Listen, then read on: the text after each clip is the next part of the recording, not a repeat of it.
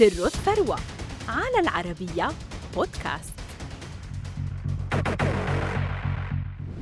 Twix M&M's Snickers Mars Bounty مع فنجان القهوة أو بدونه. قطعة من أحد ألواح الشوكولاتة هذه. قد تجعل نهارك سعيدا لكنها بالنسبة لجاكلين مارس سبب في جعلها واحدة بين النساء الخمس الأكثر ثراء في العالم وبثروة تقدر ب 36 مليار دولار.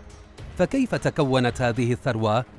ولدت جاكلين عام 1939 في واشنطن وهي ابنة فورست مارس والحفيدة لفرانك مارس مؤسس شركة Mars Incorporated إحدى أكبر خمس شركات ذات ملكية خاصة في أمريكا درست جاكلين الفنون النسائية الحرة واجتهدت بتنمية وتطوير ذاتها في مجالات الأعمال والتمويل قبل أن تقدم نفسها كوريثة لحصة بشركة Mars Incorporated التي بدأها جدها من مشروع صغير في فناء منزله عام 1911 في البداية حاول فرانك مارس بيع الحلوى الطازجة بالجملة لكنه فشل فأعاد مراجعة المشروع وأطلقه من جديد عام 1920 حيث أسس شركة Mar-O-Bar Co بولاية مينيسوتا الأمريكية.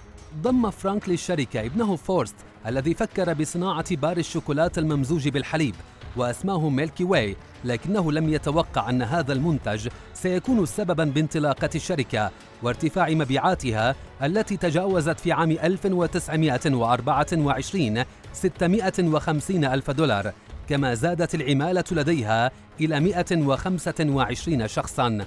تطور عمل الشركة لاحقا ونقلت المنشأة إلى مساحة أكبر في شيكاغو كما طورت منتجاتها بإضافة منتجات مثل Snickers Bar و Mars Almond Bar ثم أسست أول فروعها ببريطانيا عام 1932 وسعت الشركة أعمالها لاحقا في المواد الغذائية والمخبوزات الخفيفة كما أصبحت فيما بعد مالكة العلامة التجارية الأولى للأرز في البلاد بأكثر من 100 دولة وسيطرت على سوق أغذية الكلاب. ركزت مارس أيضا على الاستحواذ على شركات أصغر ولكنها رفضت المشاركة في الاكتتاب العام. تدير الشركة اليوم أربعة قطاعات أعمال رعاية الحيوانات المواد الغذائية ومارس ريغلي ومارس إيدج.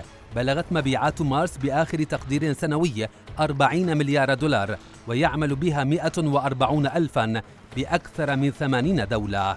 قدرت ثروة عائلة مارس عام 2020 بنحو 94 مليار دولار ما جعل أفرادها من أثرياء العالم ومن بينهم جاكلين التي عملت بالشركة نحو 20 عاما وخدمت في مجلس الإدارة حتى عام 2016 كما عملت في العديد من مجالس الإدارات لمؤسسات وشركات وطنية وكمستثمرة بقطاعات مختلفة وكناشطة في مجال حق التعليم للمرأة. تقدر ثروة جاكلين بنحو 36 مليار دولار.